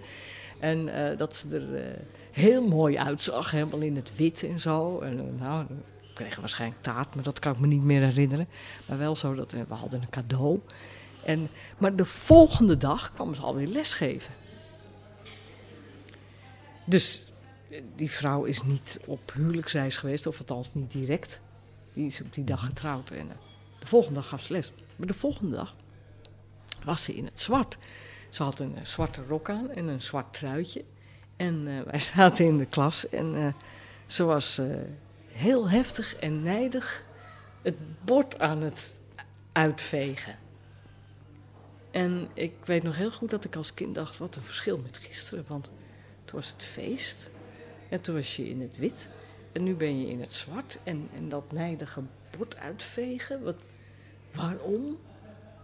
Wat een verschil. Weet je wel? Dus er was niks feest. Er was, en als je daar eigenlijk op terugdenkt, terugkijkt, dan denk je bij jezelf: ja, het is ook nogal wat. Als je trouwt en, en je geeft de volgende dag alweer les. Dat, misschien heeft ze een vreselijke kater gehad of een. Eh, wat dan ook. Alleen helemaal geen zin oh. in die 30 kinderen. Ik dacht dat de man alweer overleden was. Ja, dat dacht ik ook. Dat dacht ik ook. Maar dat is snel. Ja, ja ik ben dat... Gestorven is huwelijk. Of ik dacht dat jij ging... omdat ze in het zwart... Uh, ja, ja, ja, ja, Ik dacht dat jij dat ging zeggen als kind. Is uw man gestorven? Ja. Hoe is het nu met uw man? Is nog een voorzicht, voorzichtige vraag. Eerst even zijn polsen. Polsen, ja. maar dat je daar als kind... Uh, uh, ja, naar kijkt en maar bijvoorbeeld zoals ik nu zeg, misschien had ze een ongelofelijke kater. Zo, Dat je daar als kind helemaal niet aan denkt, omdat dat, dat begrip nog helemaal niet eh, in je zit. Dus je Mhm. kunt het ook helemaal niet plaatsen. Je ziet alleen een, eh, nou, een verschil tussen dag en nacht. Dat en, eh, en ook dingen waar je door. eh, ja, ook, ook bijvoorbeeld. Ook een van de eerste herinneringen dat, dat ik. eh, mijn grootvader van moeders kant had een piano. Een ouderwetse piano. En we hadden ook speelgoed waarbij je een boerderijtje kon bouwen. Eh, Er was een plaatje met eh, twee, vier gaten erin. En die vier gaten kon je dan weer een, een, eh, een houtje zetten. En die houtjes, daar zat een gleufje in. En dan kon je dan zo een kartonnetje laten glijden. had je een muurtje. Maar één muurtje hoefden we niet te maken. Want dat, dat was het, eh, weet het, dat was het bled, het onderblad van de piano. Dus daar, en, maar wij konden daaronder zitten, want we waren nog heel klein. Dus je had eigenlijk al een huisje Hmm. als je onder het Hmm. klavier van de Ja. piano zat. En dat weet ik nog heel goed. Dat ik daar zat. Er zou ik ook drie zijn geweest, of hooguit of vier of zo. En eh, dat soort dingen. Dat, dat je, en dat je dan je grootvader hoort praten. En, en eh, ooms en tantes. En eh, dat je daar met neefjes en nichtjes eh, Ja. in de weer bent. Ja. En werd die, uit, die voorstelling uiteindelijk een verzameling van die herinneringen en hoe je erop terugkeek? Ja. Of kon je het toch niet laten om ook de literatuur er uit de kast te pakken? Nou, er- er is. eh, nee, er zit, er zit weinig literatuur. Er zit nauwelijks literatuur. Er zitten een paar zinnetjes in van Shakespeare. eh, van Hamlet. Ehm, dat hij tegen Polonius zegt dat hij de spelers goed moet eh, behandelen. Want zij zijn de chronieken van deze tijd. Ja. en eh, een gedeelte van de, een, een reden van eh, Churchill. En maar dat is ge- geen literatuur. De, de eerste, als de, eh, een communiqué van de geallieerde troepen dat ze zijn geland in, op, eh, in Normandië. Dus het eerste, eerste bulletin. Dat, eh, dat zat er ook in. Dat waren eigenlijk een beetje vaste teksten. Maar voor de rest, eh, ik had al die herinneringen opgeschreven en een beetje ge, gekadreerd. En daar kwam ik mee, eh, dat had ik opgerold, dat heb ik zo opgeschreven, dat opgerold. En toen dacht ik van het eerste gesprek, ik denk nou laat ik dat aan Joris zien. Toen zei hij nee, laat me dat nog maar niet zien, want dan krijg ik ook misschien te veel zin om dat te gaan categoriseren. Doe dat maar niet. Ehm, en toen hebben we het over herinneringen gehad. En over ehm, hoe herinneringen werken en of herinneringen nog wel kloppen. En ook een beetje gehad over eh, psychotherapie. Dat eh, soms, niet altijd, maar bij de psychotherapie ook wel wordt gevraagd: vertel, vertel dat nog eens een keer en vertel het nog eens een keer. En dat er dan toch Verschuivingen toch plaatsvinden. verschuivingen Nee. plaatsvinden. Dat is wel een Ja. hele bijzondere, bijzonder fenomeen. En ehm, het waren allemaal gesprekken met Joris. En daar kwam uiteindelijk uit te zeggen, als je het gaat vertellen, kun je voor jezelf eh, een lijn opzetten waar je naartoe wilt. Of tenminste met, met een zekere volgorde. En zeg maar, het moet zo zijn dat als jij ter plekke een herinnering krijgt, dat je die ook meteen vertelt. Dat hij erdoor kan. En dat was, eh, dat, dat gebeurde ook op een gegeven moment. En eh, er kwam, was nog een onderdeel in, dat bijvoorbeeld eh, op een zeker moment, de, en dat was als ik eh, wat wijn uitdeelde of eh, water, dat ik ging opsommen waar ik het allemaal over had gehad, welke herinneringen. En dat was wel zo ongelooflijk moeilijk. Om het je ter plekke te herinneren. Ja, dat lijkt me ook. En, en, en daar herin, da, dan, dan merk je heel erg dat het, het, tijds, het, het, tijdsbesef op het toneel, of het gevoel van tijd op het toneel, iets anders is dan eh, eh, buiten het toneel. Het is iets eh, he- heel bijzonders. En ik merkte ook dat ik, en daardoor kwam het waarschijnlijk ook, dat het herinneren in zekere zin moeilijk was. Ehm, je hebt een bepaalde snelle hartslag, merkte ik.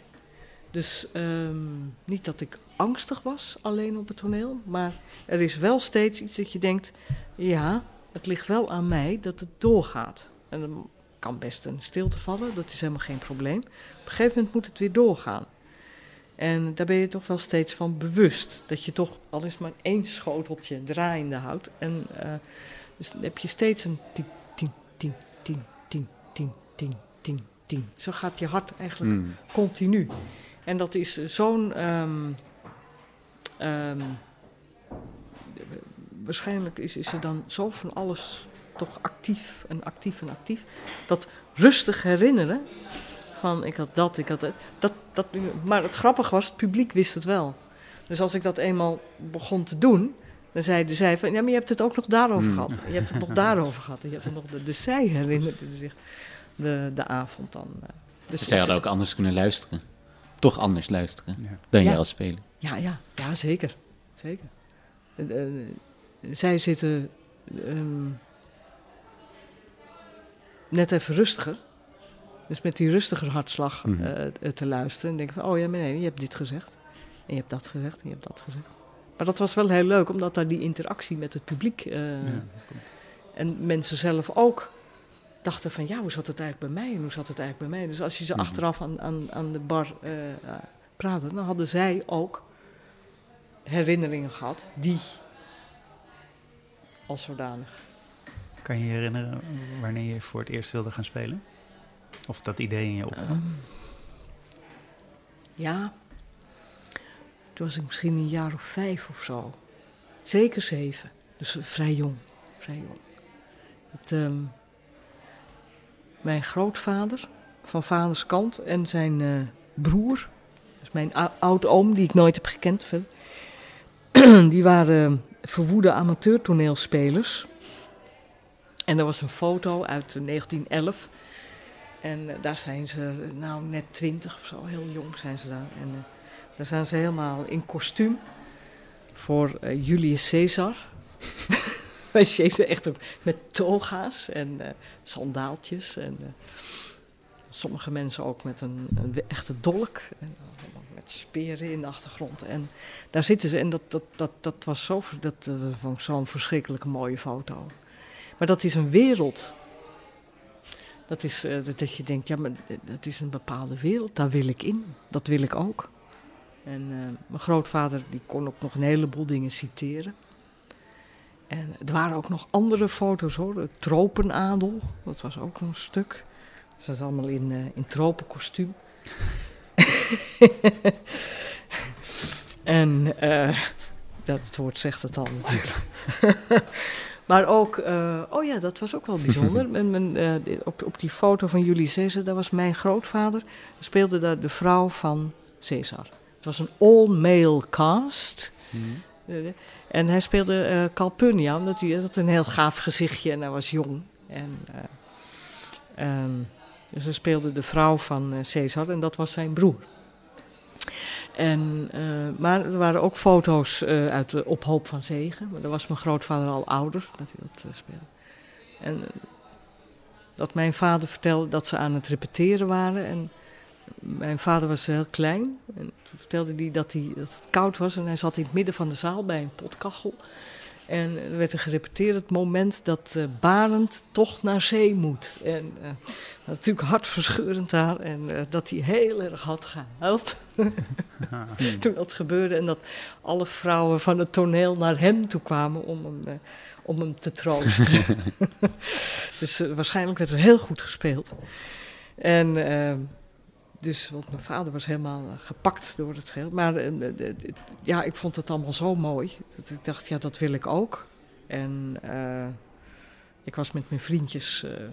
was ik in, in het schuurtje bij ons achter ook het toneel aan het maken. Er was een, een soort werkbank. Nou, het zal niet heel veel breder geweest zijn dan dit. We hadden een touw gespannen met de jutezak en dat was dan eh, het doek. En dan gingen we een sprookje naspelen of zo, dus op, op, op die tafel. En, eh, maar ja, we hadden eigenlijk geen publiek. Daar kwam het op neer, want eh, we speelden eigenlijk voor een lege schuur. Als het. Maar wel een richting op. Wel, wat zeg je? Wel een richting op. Ja, ja, ja, ja, ja. Er stonden de fietsen en de dingen. En, eh, op. En dan moest je die jute zakken voorbij schuiven. En begonnen we te spelen. Het, uh, Sneeuwwitje of uh, meestal een goed sprookje of Batman. Maar een sprookje was des te makkelijker. Ja, Batman, dat was toen op tv. Thunderbirds. Dat ging je dat naspelen? Dat ging dat ook naspelen, ah, ja, ja, ja. En, uh, maar een sprookje was zoveel makkelijker, omdat het, dat was een geheel. Ook met een afloop en een... Maar ja, ik, dat wist ik ja, eigenlijk vrij, vrij vroeg. Dat ja, vond het heel erg mooi. En toen uh, kreeg ik op een gegeven moment tv. Toen was ik een jaar of zeven. Hadden we een, opeens een tv in huis. En uh, we hadden maar één kanaal. Alleen Nederland 1. Nederland 2 hadden we niet. Toen was ik een jaar of negen of tien. En toen kwamen op tv uh, de boeken der kleine zielen van Couperus. Dat was uh, met, ja, de crème de la crème van het Nederlandse toneel zat daarin. Uh. Ellen Vogel en Erik Snijder en Ank van der Moer. En, ja, dat vond ik prachtig. Dat, is wel, dat was wel zo mooi. Ik vond Ellen Vogel ook heel goed. Ik vond ze eigenlijk allemaal goed, maar Ellen Vogel was wel mijn heldin.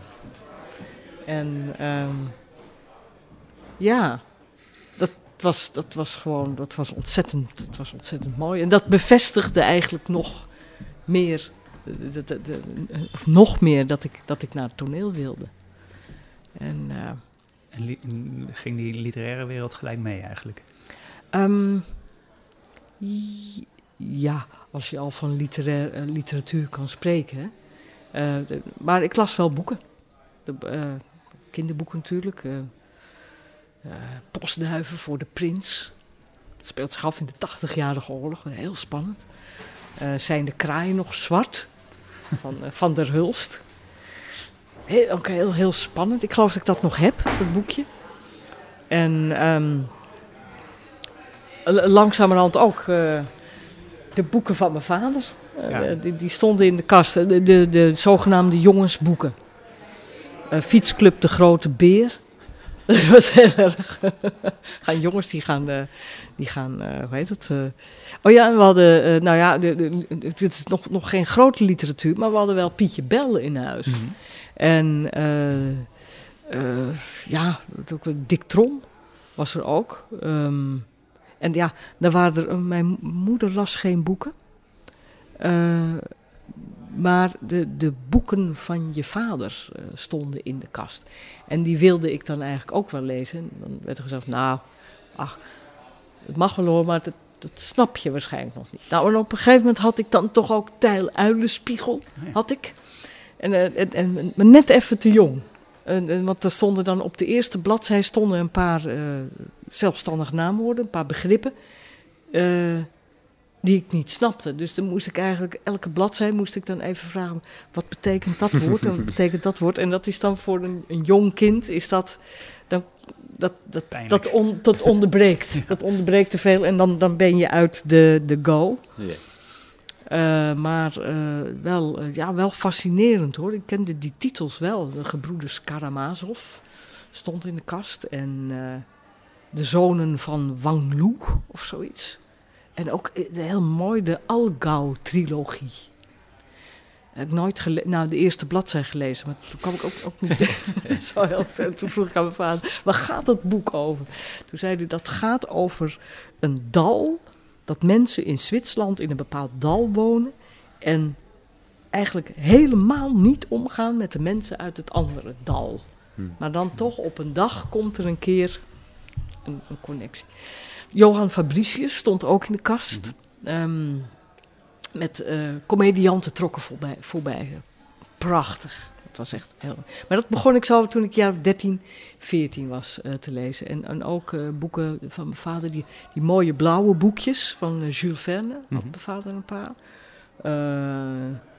Reis om de wereld in 80 dagen. Hij had ook een uitgave van Gejaagd door de wind. Met tekeningen van Anton Pieck. Helemaal heel, heel mooi.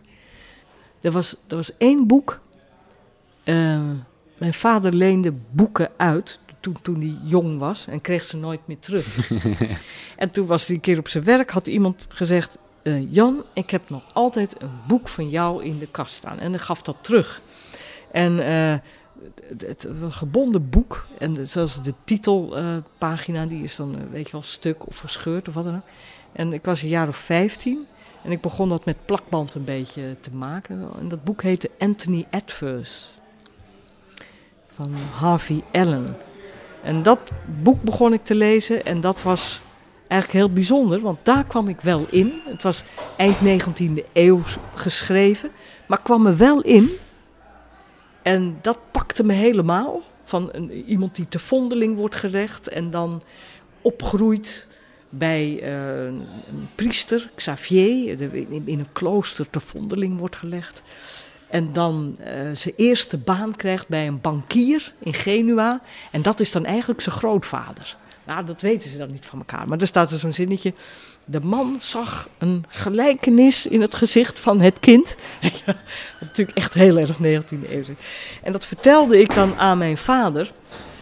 Van, uh, ik, eh, ja, en dan gebeurde dat. En dat mijn vader dat hele boek ook weer in zijn hoofd kreeg. En zei, oh ja, ja, ja, zegt hij, ja, oh ja, dan gebeurde dat. Ja, en dat en dat, ja, ja.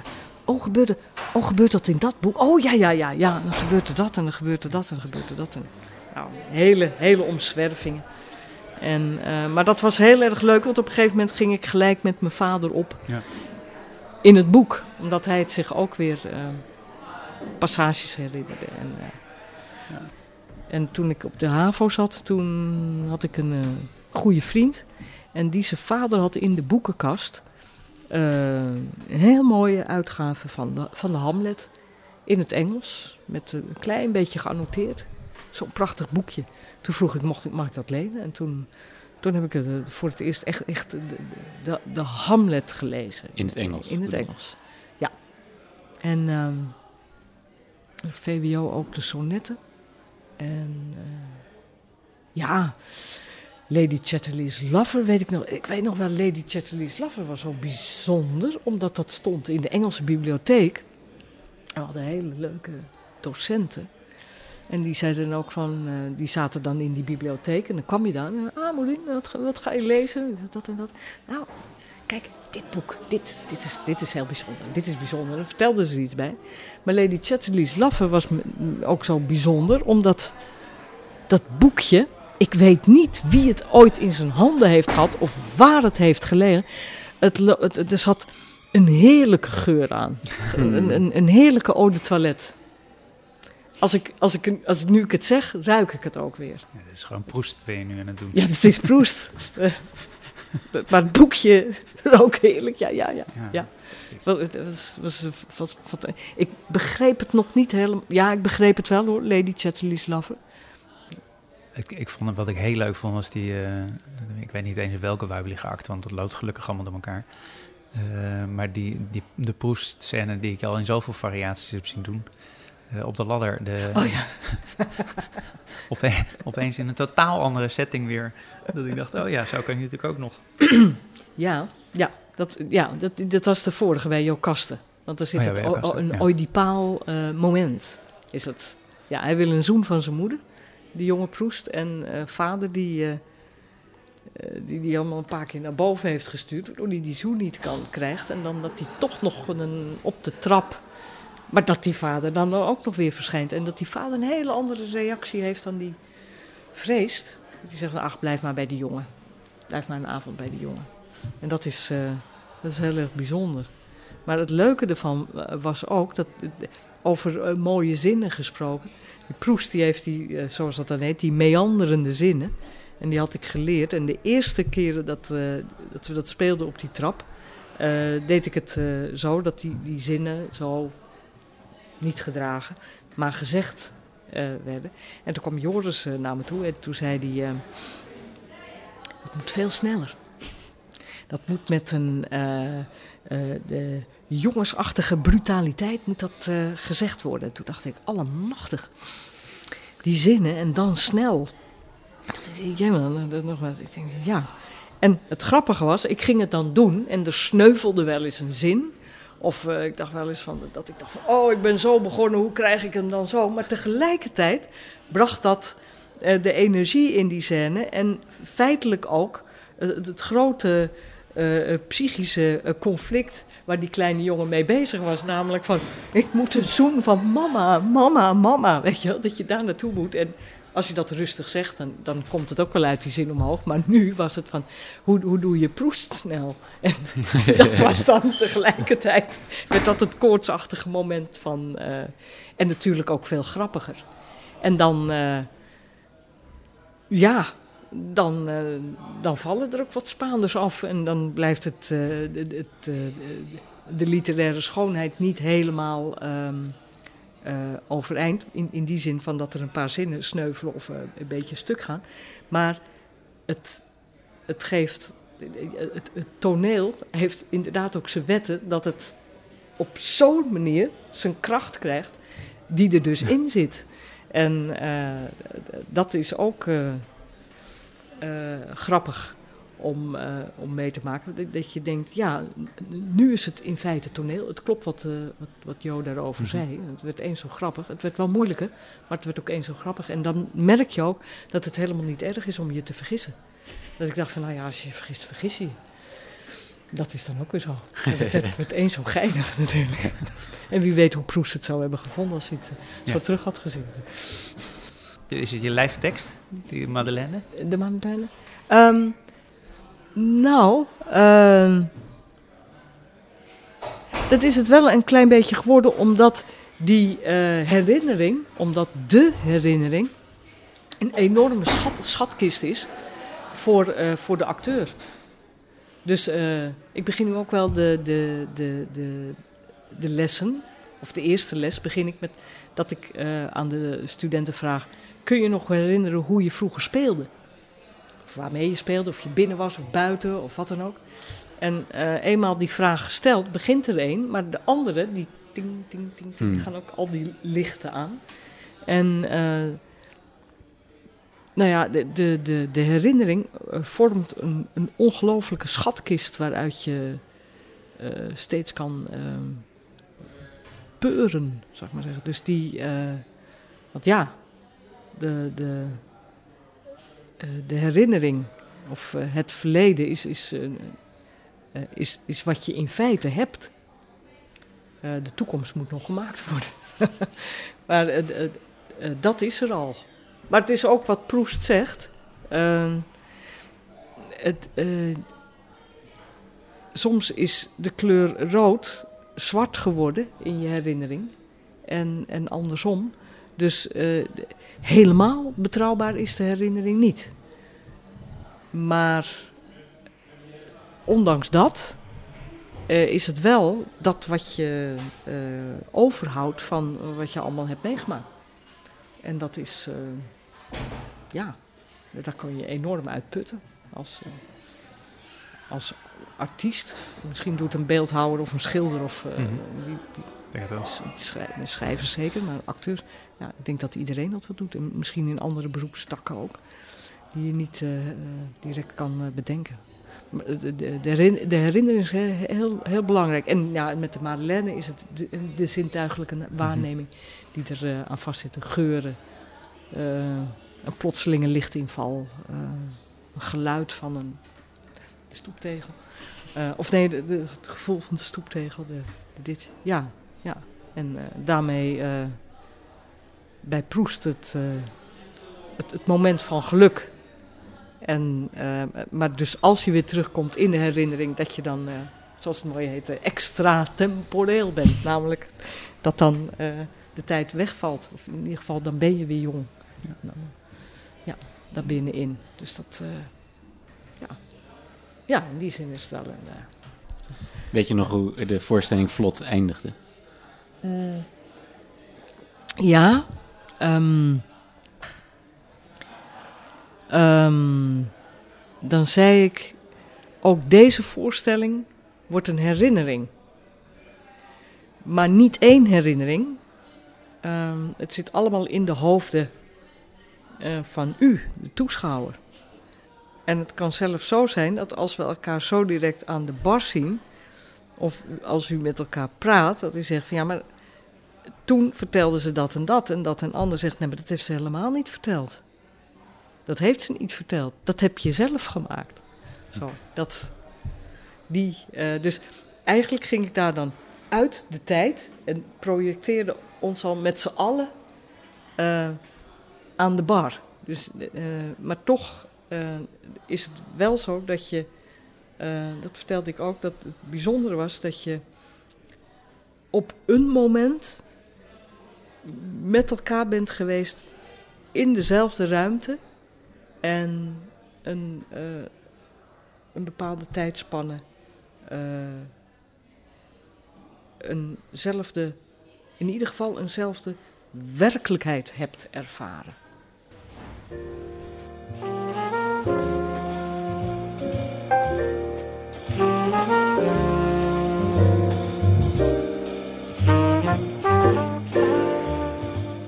Mocht je deze uitzending waarderen, laat dan een review achter bij iTunes. Op deze manier heeft de podcast een groter bereik.